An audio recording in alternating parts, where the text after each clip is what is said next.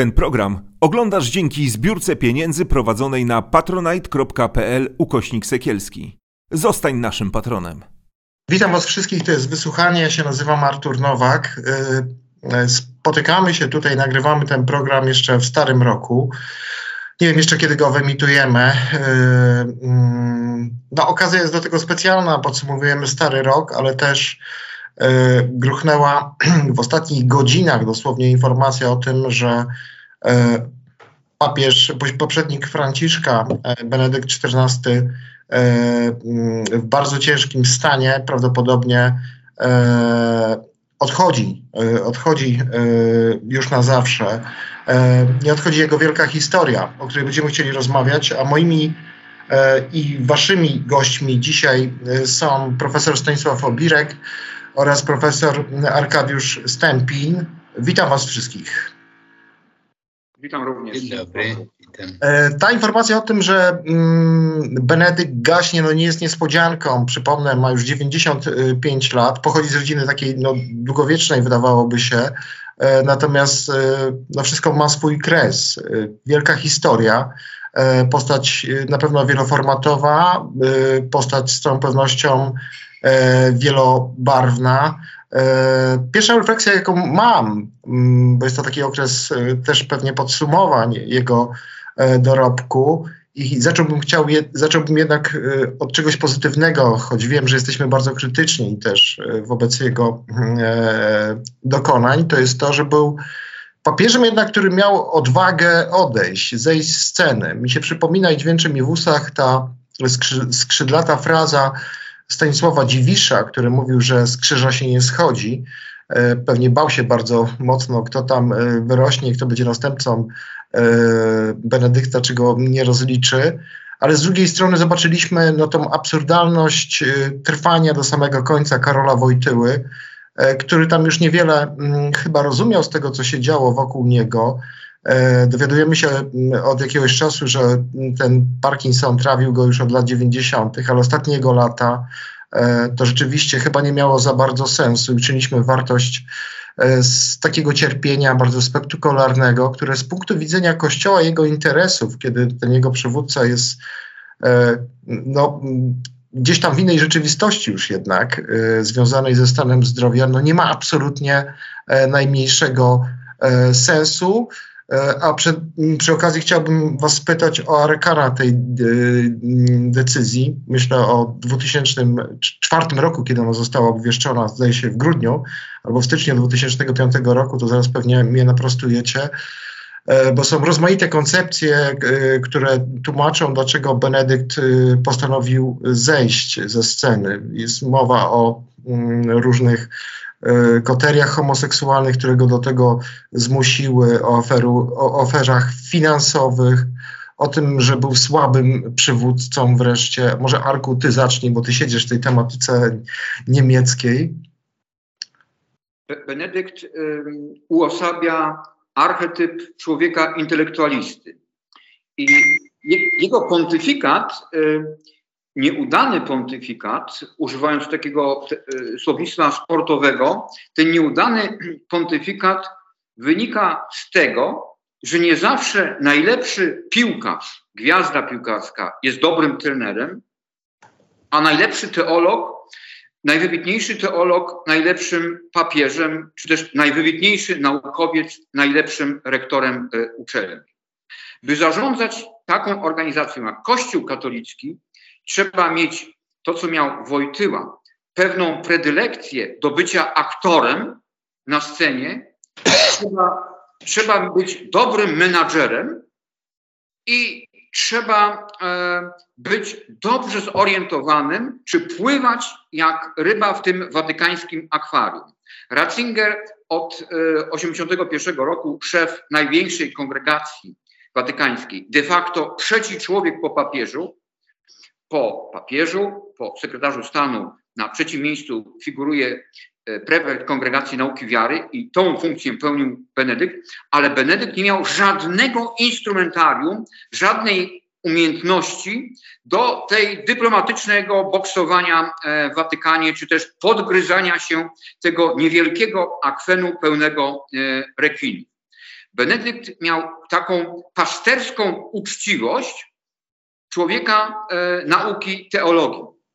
Jego największym hobby było w Watykanie zasiadanie wieczorem do fortepianu, który wtedy po raz pierwszy pojawił się w Pałacu Apostolskim i granie sobie wieczorem e, Mozarta. Na boksowanie z kardynałem Sodano, ówczesnym sekretarzem e, stanu, całą kliką e, watykańsko-południowoamerykańską Ratzinger nie miał ani cierpliwości, ani siły, ani umiejętności do tego. I kiedy został wywindowany na stanowisko, na dogodności papieża, Dalej pozostał intelektualistą, który rozpoczął pisanie dwutysięcznej książki o Jezusie, a oddał, um, oddał jakby lejce Watykanu w ręce kardynała Bretone, no takiego makiawelistycznego, um, e, Włocha, właściwie takiego e, watykańskiego Berlusconiego, który e, owinął sobie pryncypała wokół palca i zarządzał Watykanem jako wicepapież, jak chciał.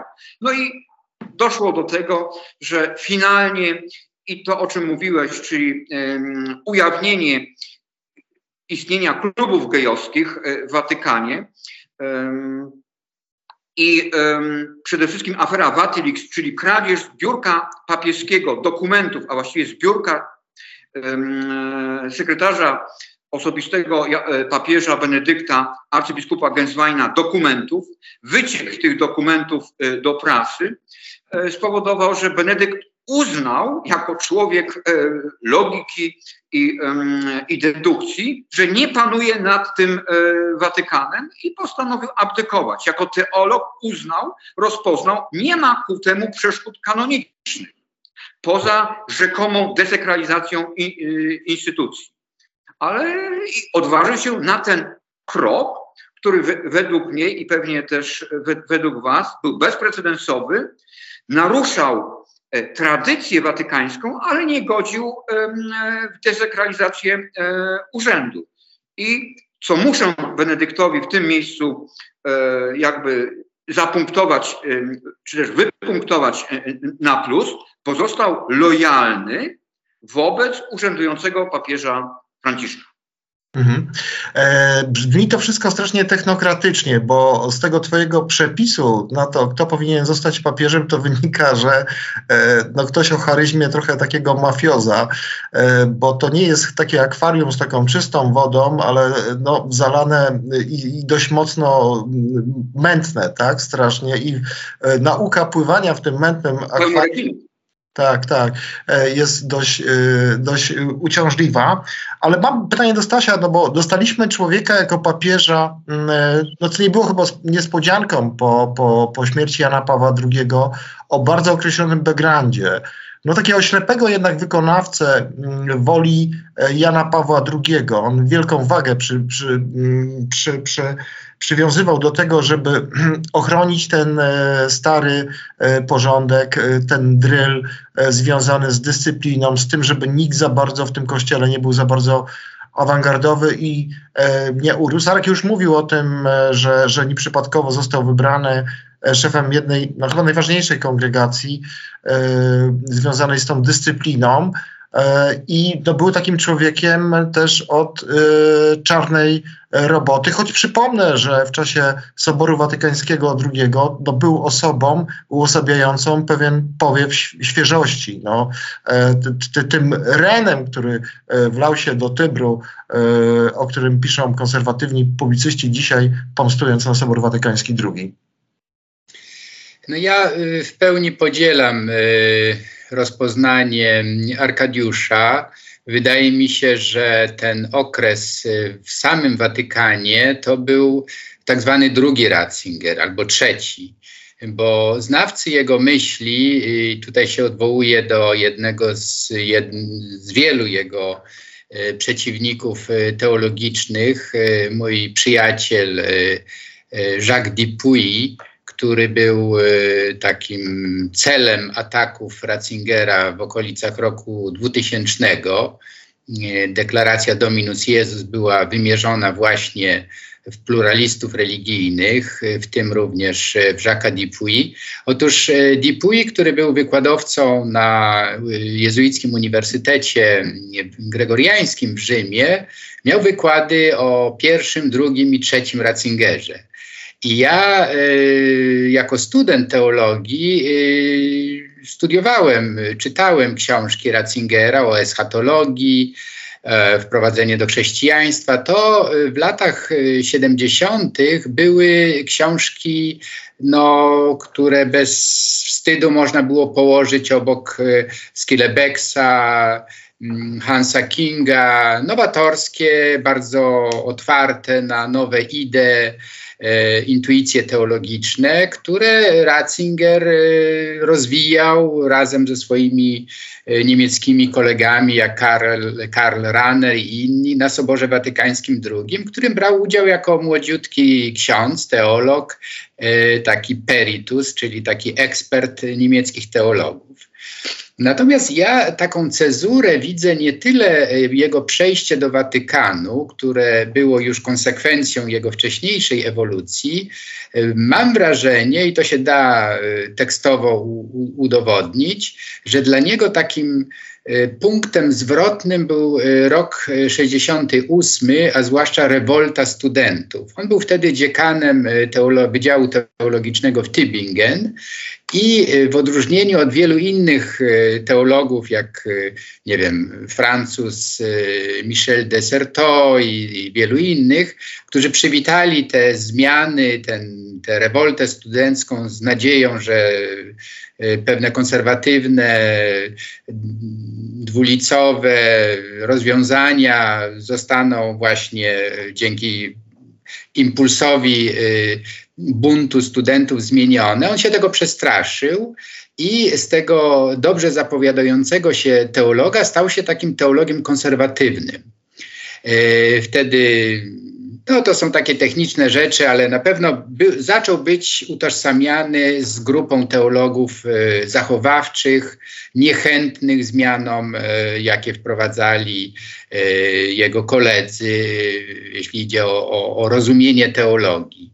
I myślę, że e, początek pontyfikatu Karola Wojtyły zbiegł się z ich przyjaźnią związaną z wizytami tutaj bratnich episkopatów w Niemczech. Mm, czyli krótko mówiąc, e, chemia była między konserwatywnym e, biskupem Monachium i konserwatywnym biskupem Krakowa.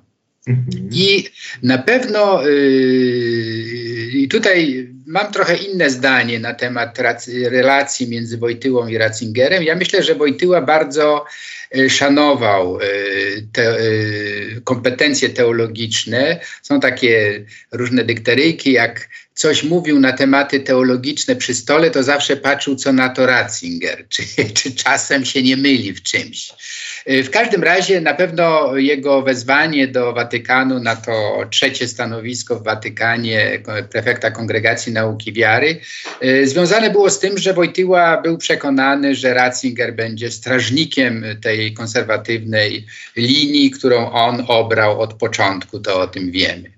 Mhm. Natomiast y, od 81 do y, objęcia urzędu Piotrowego i potem do abdykacji, tutaj też bym widział y, cały szereg zmian różnych, ale zgadza się, że, że, był człowiekiem jak na watykańskie warunki, rzeczywiście nie z tej bajki, prostolinijny, który ufał logice, który miał takie estetyczne podejście do życia i go wyraźnie te, maniche, te makiaweliczne intrygi e, męczyły, ale nie bardzo miał pomysł, jak sobie z tym poradzić.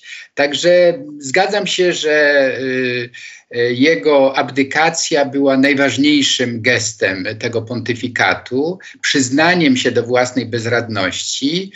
I to były precedensy zresztą jeszcze za poprzednika, za Jana Pawła II, kiedy ta słynna fraza zacytowana przez Franciszka, że druga strona wygrała, to znaczy on miał poczucie, że e, właśnie z tymi rekinami czy z tymi słoniami nie, nie, nie, nie wygra.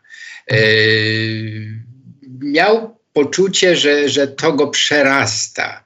I to, że przygotował ten, ten akt abdykacyjny, uważam, że to jest najważniejsze. Mniej jestem życzliwie nastawiony do tego, co mówił Arkadiusz, że on był lojalny wobec Franciszka.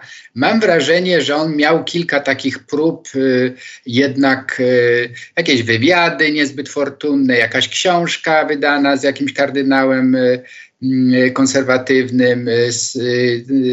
To, to wszystko było nie do końca lojalne. To znaczy, on wyraźnie nie zgadzał się z linią Franciszka. Był lojalny, oficjalnie nie, występował, ale pozwalał sobie właśnie na takie nie wprost Y, komentarze, co doprowadziło do tego, że Franciszek w tej chwili jest, stracił pewność siebie. Ja mhm. myślę, że, że to jest y, jedna z takich krecich obecności Benedykta XVI, emeryta Watykanie, które dobiega końca ale on powinien, i to powinno być uregulowane, jeśli mnie Franciszek będzie pytał, to mu takiej rady udzielę, żeby absolutnie e, abdykując, e, powinien wrócić do swojej jezuickiej sutanny, żadnych białych strojów, żadnych e, papież emeryt, bo to po prostu zakłóca funkcjonowanie tej, tej instytucji. Więc bilans mój jest wyzerowany, to znaczy ja czuję sympatię do Ratzingera I, tego nowatorskiego y, teologa pełnego światłych idei. Natomiast y, uważam, że źle się przy, przy, przysłużył Kościołowi w tej i jako papież, i jako prefekt Kongregacji Nauki Wiary, bo po prostu katolicyzm zamroził, y, wrócił do tej pełnej podejrzliwości, lizusostwa, donosów na siebie, jakie pamiętamy z XIX wieku, z długiego również pontyfikatu Piusa IX, który no, osaczył katolicyzm i teologów katolickich właśnie tą siecią y, usłużnych y, donosicieli. To się zawojtyły odrodziło, i Ratzinger nic nie zrobił, żeby to uciąć, ten rodzaj funkcjonowania tej machiny watykańskiej. A rzeczywiście coś na rzeczy z tego, o czym mówi Arek, to znaczy, że z jednej strony wykonawcą takim ślepym tych poleceń Wojtyły był dobrym, czyli ścigał tych e, teologów wyzwolenia, bo miał tam jakąś specjalną misję, e, jeśli chodzi właśnie o to. E, a z drugiej strony, jak sam miał o czymś decydować, e, znaczy tworzyć pewien porządek, e, no nie umiał sobie z tym poradzić i rzeczywiście to powinowactwo z Janem Pawłem II, jeśli chodzi o 68 rok, z tą pewnością jest, bo ja sobie przypomniałem, gdzie tutaj słuchałem taki list, on został opublikowany jako w formie eseju przez Benedykta przy okazji szczytu tego pedofilskiego. To był, zdaje się, 2019 rok, kiedy on mówi o, tym, o tych klubach gejowskich, które się potworzyły w latach 60. w, w Kurii, o tym, jak została ta kultura zainfekowana. On mówił, że E, że to Kościół jest ofiarą po prostu re rewolucji seksualnej. Nie wiem, czy pamiętacie, to e, pamiętam, że, że, że powstało sporo tekstów na ten temat i rzeczywiście e, mówiono o tym, że, jest, że są dwa kościoły, dwóch papieży, bo perspektywa Franciszka przy okazji tego szczytu pedofilskiego była taka, że E, to nie jest przyczyna zewnętrzna, więc nie można obwiniać, e, nie wiem, rewolucji seksualnej, ale że no, winna jest ta struktura e, klerykalna, która, e, która to spowodowała. Ale trzeba oddać z całą pewnością Benedyktowi, bo jest to jednak forma, papież, znaczy postać wielobarwna, jak, jak wszyscy, tak? To nie ma dwóch takich samych ludzi.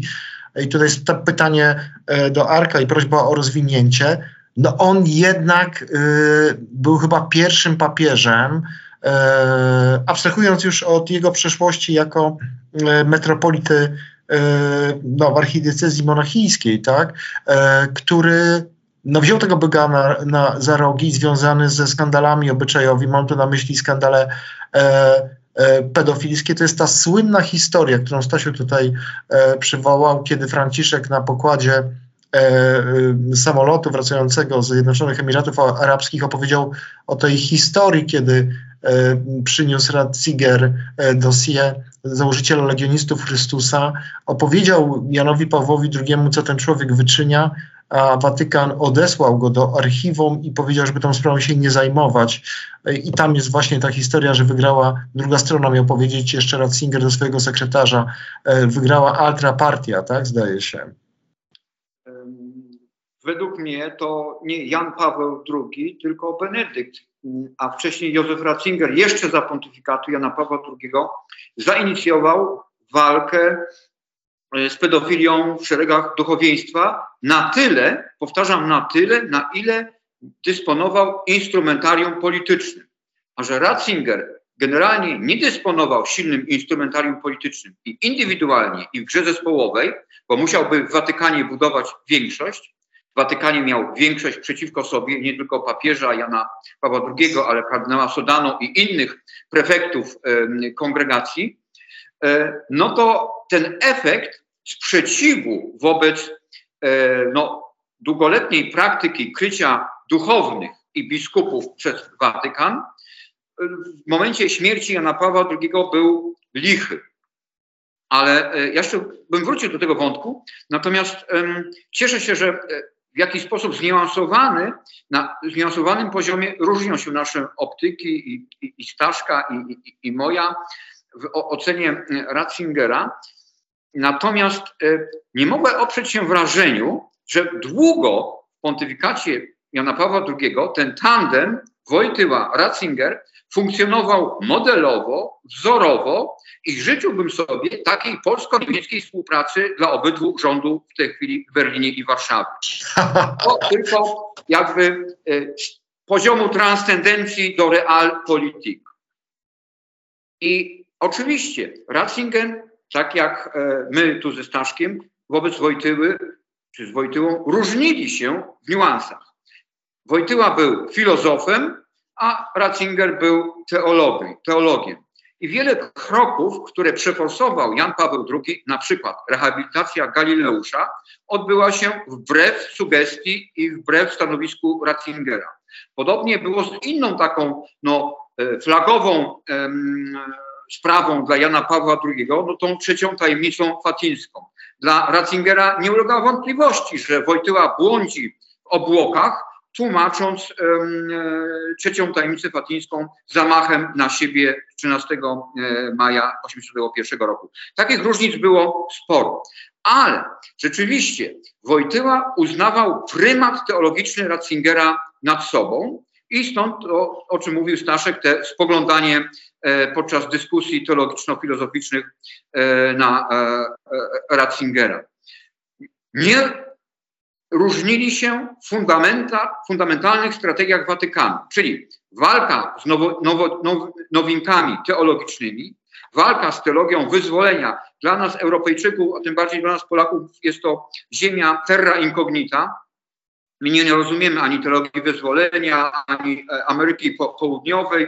E, zatrzymaliśmy się gdzieś na tym e, serialu o Izaurze, w naszym rozumieniu Ameryki Południowej.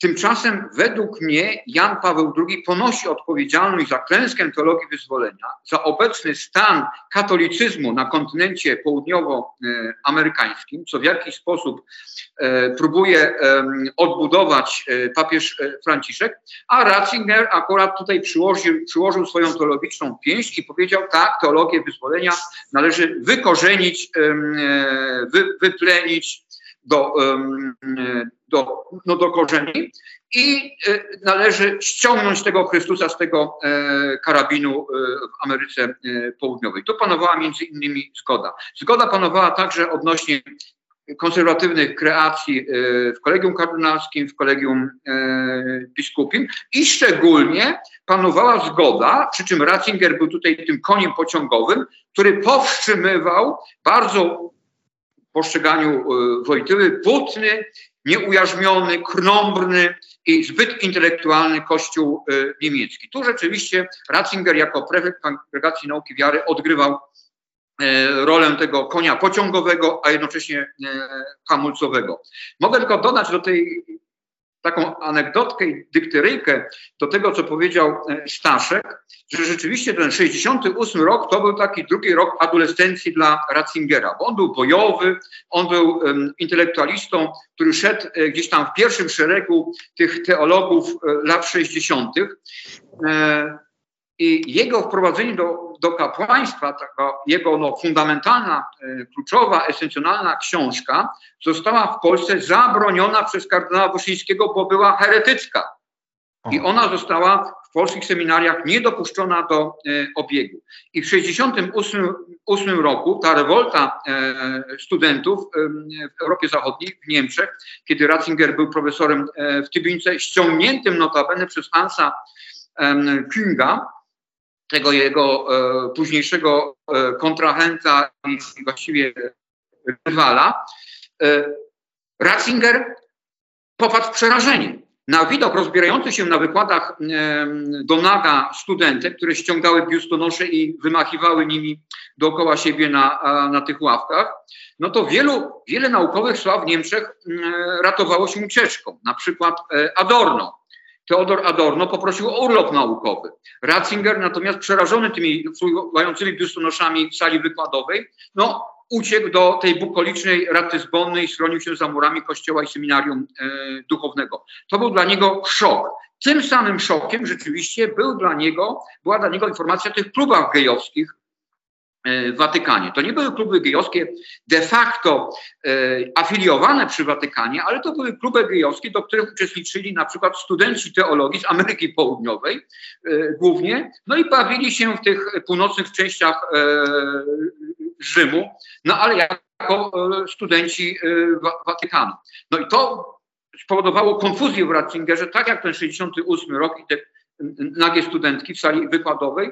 No i to było jednym z kluczowych motywów, które e, doprowadziły do tej aplikacji. Nigdy nie ma e, czegoś takiego w zjawiskach społecznych, że jedna przyczyna e, generuje jakieś zjawisko. Z reguły chodzi o splot przyczyn, ale jedną z kluczowych były rzeczywiście te kluby gejowskie, no i ta afera Watilix.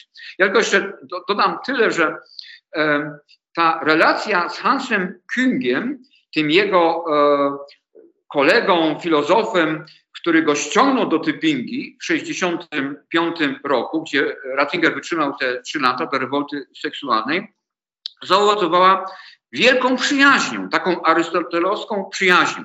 Ratzinger jako człowiek skromny, ubogi, bez, e, nie oglądający się na splendor, jeździł z domu profesorskiego w Tybince na uniwersytet rowerem. A, King, jako ten y, no, bogaty syn mieszczanina, bogaty z domu, jeździł z domu francuskiego na wykłady Alfa Romeo, czerwonym Alfa Romeo. I kiedy lał deszcz w Tybince, no to ten King, siedzący za kierownicą Alfa Romeo, zabierał tego zmoczonego, przemoczonego do suchej nitki rowerzystę i zawoził na salę e, wykładową. No ale 20 lat później to ten mokry, zmoczony, ziemnięty rowerzysta, zabierany przez tego bogatego kierowcę Alfa Romeo, został pozbawiony prawa nauczania. No, wykonał na nim e, wyrok śmierci tak naprawdę, i, bo dostał na niego zlecenie od e, Wojtyły. E, przypomnijmy, że chodziło o nieomylność papieską, tak? Tak w wielkim skrócie mówiąc. Zdaje się, panowie się pogodzili na łożu śmierci. Nie wiem, ile jest w tym prawdy. E, ale rzeczywiście to, co łączyło z całą pewnością Wojtyły, oprócz tego e, jak gdyby urządzenia episkopatów, e, tej dyscypliny na katedrach, żeby tam żadna nowinka jakaś nowa nie wyniosła, nie wyrosła, no to była ta żelazna triada, czyli no, absolutne wykluczenie kobiet, jeśli chodzi o kapłaństwo, pomimo absolutnego też no, braku podstaw takich sensownych, jakichś ewangelicznych, utrzymywanie obowiązkowego celibatu, druga druga kwestia. No i trzecia kwestia, niedyskutowalna, no to e, jakieś odnalezienie osób e, mniejszości tak, seksualnych e, w przestrzeni Kościoła. Nie jest przypadkiem, że mówi się, że Ratzinger jest ostatnim takim konserwatywnym e, e, papieżem, takim, który mm, reprezentował no, taki jasny bardzo komunikat, jeśli chodzi o zmiany w tym przedmiocie. Franciszek może też nic nie robi, trochę hamletyzuje, trochę robi jak, jak gdyby jakieś oko puszcza do e, osób homoseksualnych, mówiąc e, Bóg stworzył cię gejem i takiego cię kocha, e, gdzieś tam dostrzegając kobiety, nie robi żadnych reform, ale mi się przypomniała jeszcze jedna taka anegdota, której Stasiu może opowie z polskiego podwórka, E, jak to e, Ratzinger doszukał się u Antonego który przecież e, był osobą, która ściągała mnóstwo młodych ludzi, czytelników i też no, sprawiała, że nakłady jego książek z korzyścią dla Kościoła, który na tym niesamowicie zarabiał, mówię o wydawnictwach zakonnych, no, został w Polsce tak naprawdę no, wycofany ze sprzedaży. Wydawnictw, w wydawnictwie jezuickim mam na myśli wydawnictwo Igna, Ignatonium, to było, już nie pamiętam. Wydawnictwo WAM. WAM, tak, właśnie. Opowiedz o tym może. To znaczy, ja bardzo y, no, dużo czasu poświęcamy y, Ratzingerowi i myślę słusznie, bo on jest, y, jego obecność jest zauważalna w wielu przestrzeniach. Ja może nim do tej, to była taka instrukcja, jak czytać e, książki, a raczej jak nie czytać książek Antoniego de Mello. Za chwilę przejdę. Natomiast e, jeszcze o dwóch rzeczach chciałbym powiedzieć. Jedna to, mm, że Ratzinger na przykład wpłynął na to, żeby Wojtyła tak zdecydowanie nie sformułował jako Y, dogmatycznego y, myślenia o tym, że wyklucza się y, kapłaństwo kobiet, że to jest nieomylne nauczanie. Zdaje się, że Ratzinger tutaj przytomnie zwrócił uwagę, że to nie jest najlepszy pomysł. Mm, natomiast druga rzecz, która bardzo równoległa, ale mniej obecna w naszej świadomości, to jest jego współudział w spacyfikowaniu Kościoła amerykańskiego, w Stanach Zjednoczonych. Myślę tutaj, ja byłem akurat wtedy w Stanach w 2004 roku i wtedy, może pamiętacie, to była mm, kampania wyborcza między Bushem juniorem i Kerrym. John Kerry, kandydat demokratów, Bush republikanów. Ale wtedy, co, co ciekawe, że Kerry, w odróżnieniu od y, Kennedy'ego, pierwszego katolickiego prezydenta, miał bardzo silną opozycję y, biskupów y, katolickich, mimo że był katolikiem. Ale podobnie jak Biden teraz, jest, y, był zwolennikiem wtedy i jest do dzisiaj y, wyboru, y, jeśli chodzi o aborcję, czyli był pro-choice. I wtedy, ja byłem w St. Louis wtedy, y, tam biskupem był słynny skądinąd y, Raymond y, Burke, który odmawiał Keremu komunii. To była to właśnie pierwsze, te pojawiły się mm, odruchy tego używania komunii jakoś, jako broni politycznej. Ale najważniejsze, i tutaj wchodzi Ratzinger. Otóż e, redaktor naczelny ówczesny e, dwutygodnika jezuitów Ameryka, Thomas Rees, e, zaproponował, żeby i zwolennicy, i przeciwnicy E, aborcji e, mieli e, równy głos na łamach jego gazety. I wtedy Ratzinger z wysokości swojego urzędu, właśnie tej trzeciej osoby w Watykanie, wymusił na, na prowincjale amerykańskim dymisję Risa z redaktora naczelnego. E, to było jedna rzecz. Druga, e, bardzo podobnie, e, to, to medialnie to nie robi jakiegoś wrażenia, no tam zmieniają jezuici redaktora naczelnego, ale to naprawdę miało, miało efekt mrożący, że nie wolno na te tematy pisać. Druga to był kardynał Grocholeski, jeden właśnie z tych oponentów właściwie Ratzingera i bardzo blisko związanego z, z Wojtyłą. On był prefektem od spraw edukacji narod- e, chrześcijańskiej i wtedy pojawiło się taki dokument Ex Corde Ecclesiae, to znaczy dokument regulujący uniwersytety katolickie. W Stanach Zjednoczonych jest około 500 chyba uniwersytetów jakoś tam związanych z Kościołem i ze względu na ich e, szczególne umocowanie w prawie amerykańskim, Kościół, biskupi mają ograniczone prawo, ale jednak i tam próbował Ratzinger interweniować. Więc to są te bardzo nieprzyjemne rysy takiego um, zamordyzmu, czy takiego autorytarnego sposobu, sposobu ręcznego sterowania kościołami lokalnymi.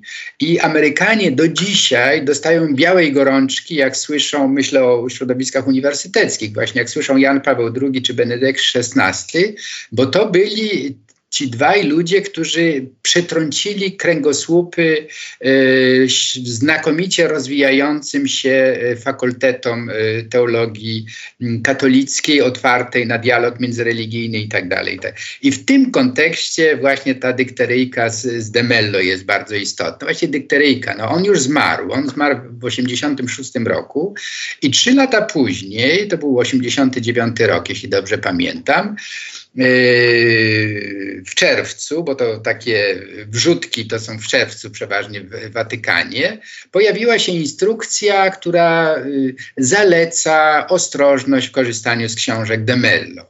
Wtedy yy, ja sam zresztą go i tłumaczyłem i byłem bardzo, zachęcałem wydawnictwo wam, żeby go wydawali. E, dyrektor e, Henryk Pietras, który przyjechał z Hiszpanii pełen entuzjazmu do Demello, on go pierwszy zaczął tłumaczyć. No w, każdym, w każdym razie jezuici e, robili znakomity interes na Demello i nagle pojawia się ta instrukcja. I e, smaczek jest taki, że przyjeżdża generał wtedy, Hans Peter Kolbenbach. Ja byłem wtedy przełożonym w domu zakonnym, jest śniadanie i Kolbenbach niewinnie pyta nas, o to, jak, czy chyba ja się go zapytałem bezczelnie, mój ojcze generale, jak to jest z tym Demello na świecie? Bo taka instrukcja się ukazała dwa lata temu i u nas y, kardynał Macharski y, właściwie zakazał drukowania tego podejrzanego jezuity. Na to y, generał mówi, a to dziwne, bo w krajach anglojęzycznych i hiszpanojęzycznych Y, potroiła się sprzedaż Demello, bo jezuici w tych krajach po prostu dołączyli te instrukcje do książek i to było, y, zwiększyła ich się atrakcyjność. To był ten owoc zakazany. Już od Biblii wiemy, że smakuje lepiej. Natomiast polscy jezuici głupio zrobili, bo odstąpili chyba odpłatnie e, Y, prawo drukowania Demello, wydawnictwo bodajże Zyski Spółka tak, albo tak, Rebis. Tak, Poznanie, tak. Mhm. Więc tak to, tak to wygląda, że w praktyce y, ta obecność Ratzingera była rzeczywiście ciężka, nie tylko w, w Ameryce Łacińskiej. U nas, jak y, Arek mówi, nawet go w ogóle nie czytano, bo, bo był zbyt heretycki. Natomiast w Ameryce to był y, przykład autorytaryzmu, który był wyjątkowo ciężko przyjmowany. Ja przypominam sobie taką scenę z wizyty Alimina biskupów, zdaje się, belgijskich, e, kiedy mm, w czasach Franciszka już e, prosili oni o to, żeby zrobić coś z celibatem, że oni chcą, żeby ten celibat był dobrowolny. I muszę sobie po, muszę powiedzieć, że nie wyobrażam sobie takiej sceny z takiej wizyty u Benedykta. Tak? To chyba by było niemożliwe bo Arek tutaj mówił o kościele niemieckim, ale też pacyfikował bardzo mocno i przeorał Benedykt kościół y, austriacki, gdzie się narodziła, e, narodził cały ruch księży, tak? My jesteśmy kościołem, zdaje się to się nazywało. E, to była e, austriacka organizacja, z tego co pamiętam, e, którzy bardzo e, no, walczyli jednak o, o, o, o te zmiany.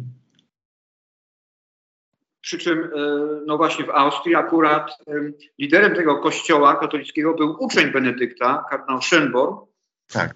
Ale, ale te, mm, ten ruch oddolny katolików Wizynt Kirsie sprzeciw swój największy e, wyraził po mm, aferze 2010 roku, która spadła na Benedykta, a była de facto spuścizną przekazaną mu przez poprzednika Jana Pawła e, II. I te największe oburzenie i e, sprzeciw wobec tego instytucjonalnego kościoła, czy niemieckiego, czy austriackiego, no to wylało się w momencie, kiedy Benedykt kilka lat nieśmiało na swoje możliwości watykańskie, tak jak mówiłem, bez możliwości czy też umiejętności budowania większości politycznej w tym organizmie politycznym, jakim jest Watykan, próbował jednak coś zrobić. I, i ten sposób trochę bym się zniuansował od, od Staszka, bo bym ocenił możliwości jednostki, jakim był Ratzinger, czy jest Ratzinger, wobec tego, e, tej fali uderzeniowej, jaką tworzył Watykan Jana Pawła e, II, za i tak, e, za i tak godne podziwu, bo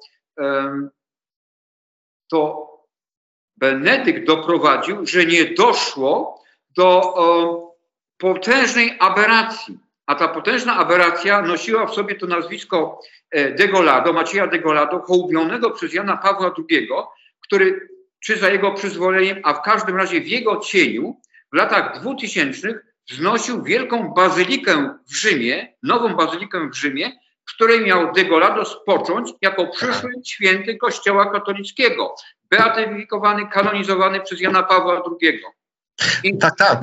tej aberracji potrafił mimo wszystko sprzeciwić się ten e, rachityczny, słaby fizycznie, bez umiejętności budowania większości politycznej Ratzinger, krótko mówiąc, zdecydował się na krok, który przerastał jego polityczne e, możliwości i tu chylę w jakiś sposób czoła przed tym konserwatywnym Ratzingerem.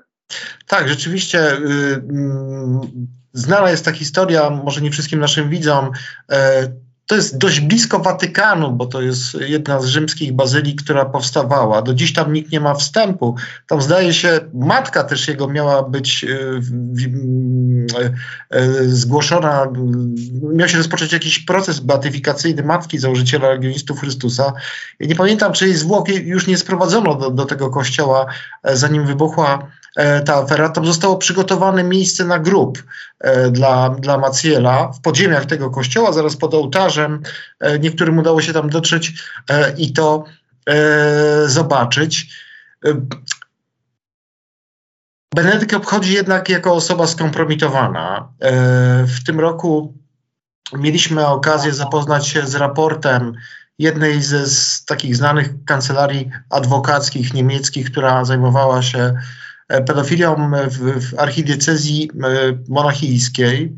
E, swoją drogą to jest ciekawe, że w Polsce Komisja do Spraw Pedofilii nie może dostać akt dotyczących afer pedofilskich, znaczy księży pedofilów, a nie ma problemu, żeby kancelaria adwokacka w Niemczech otrzymywała tego typu akta. No ale tam jest wola kardynała Marksa.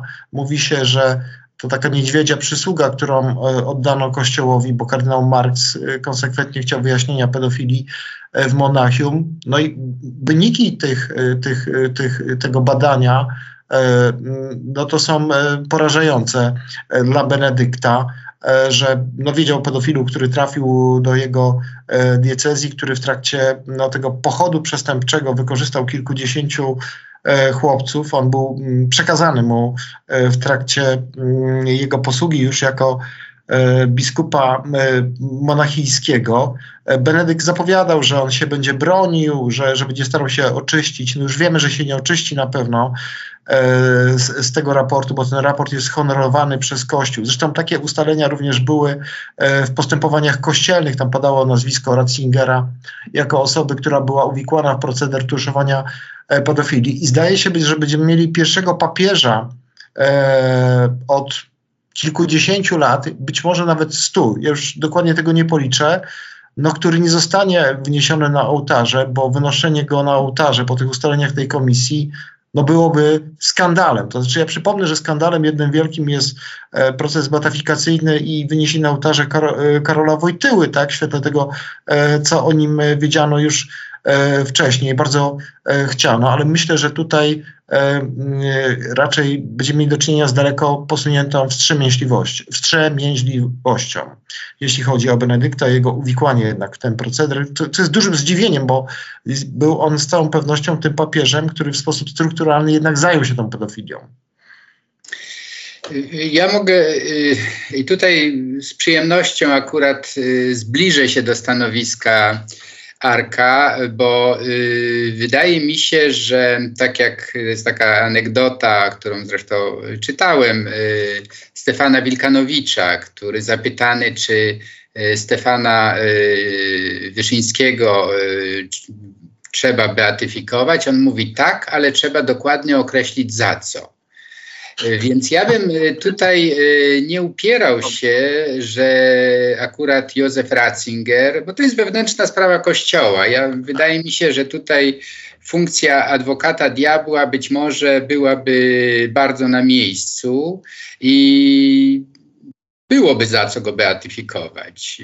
Uważam, że o wiele bardziej problematyczny jest proces toczący się beatyfikacyjny Piusa XII niż Ratzingera, bo jednak e, Pius XII no, miał ten flirt z nazizmem, z Hitlerem, no i tak dalej, i tak dalej. No nie, nie chcę w to wchodzić, ale mm, natomiast y, tak idąc za, tym, za tą intuicją Arka, że, że chyli czoło przed konserwatyzmem e, Ratzingera, otóż wystarczy... Pomimo konserwatyzmu. ale wiecie... Nie wątpliwości. Tak, ale chcę powiedzieć, że e, no, zróbmy takie ćwiczenie z wyobraźni. E, kardynał e, Stanisław Dziwisz i arcybiskup Georg Genswein. To są zupełnie dwie różne osobowości. Jeden robił takie małe geszefty, cały, e, cały, episko- cały pontyfikat tak okręcił sobie de facto, jak Bartone y, Benedykta XVI, to y, dziwisz Jana Pawła II, ale to było, on nawet nie robił jakichś wielkich interesów, to były te małe geszefty takie właśnie Kopertki. Y, na, na miarę górala z Podhala tutaj. Natomiast Gezman to jest człowiek no, subtelny, teolog, któremu do głowy nie przyszło, żeby u boku y, Józefa Ratzingera robić jakieś, jakieś interesy. Więc to, to też y, y, zresztą Arturze, piszemy teraz o, o, Janie Pawle II, więc się tymi y, rzeczami trochę mocujemy, no ale, ale jest jednak różnica w doborze współpracowników, w nominacjach. E, no Ratzinger jednak e, nie, nie, nie, nie, nie ma na sumieniu e, takich blamarzy jak Ger, jak McCarrick i tak dalej. Więc to są ważne rzeczy, wydaje mi się, że trzeba to zachować proporcje, co można w danych okolicznościach robić. No on, on był ograniczony, no był już starszy, i, no, i, no i jednak ten, ten cień, ciężar długiego pontyfikatu Jana Pawła II, no, tego się nie dało tak y, stolika z kartami y, odwrócić do góry nogami. No musiał pewne rzeczy jakby y, siłą rozpędu szły. I to, że on tak radykalnie za, zareagował wobec y, legionistów Chrystusa i ich założyciela, ukazał się bardzo mocny jak na watykańskie stosunki y, dokument mówiący o deprawacji, o perwersji o i tak dalej, i tak. To, to, to ja też tutaj szapoba, uważam, że to trzeba docenić.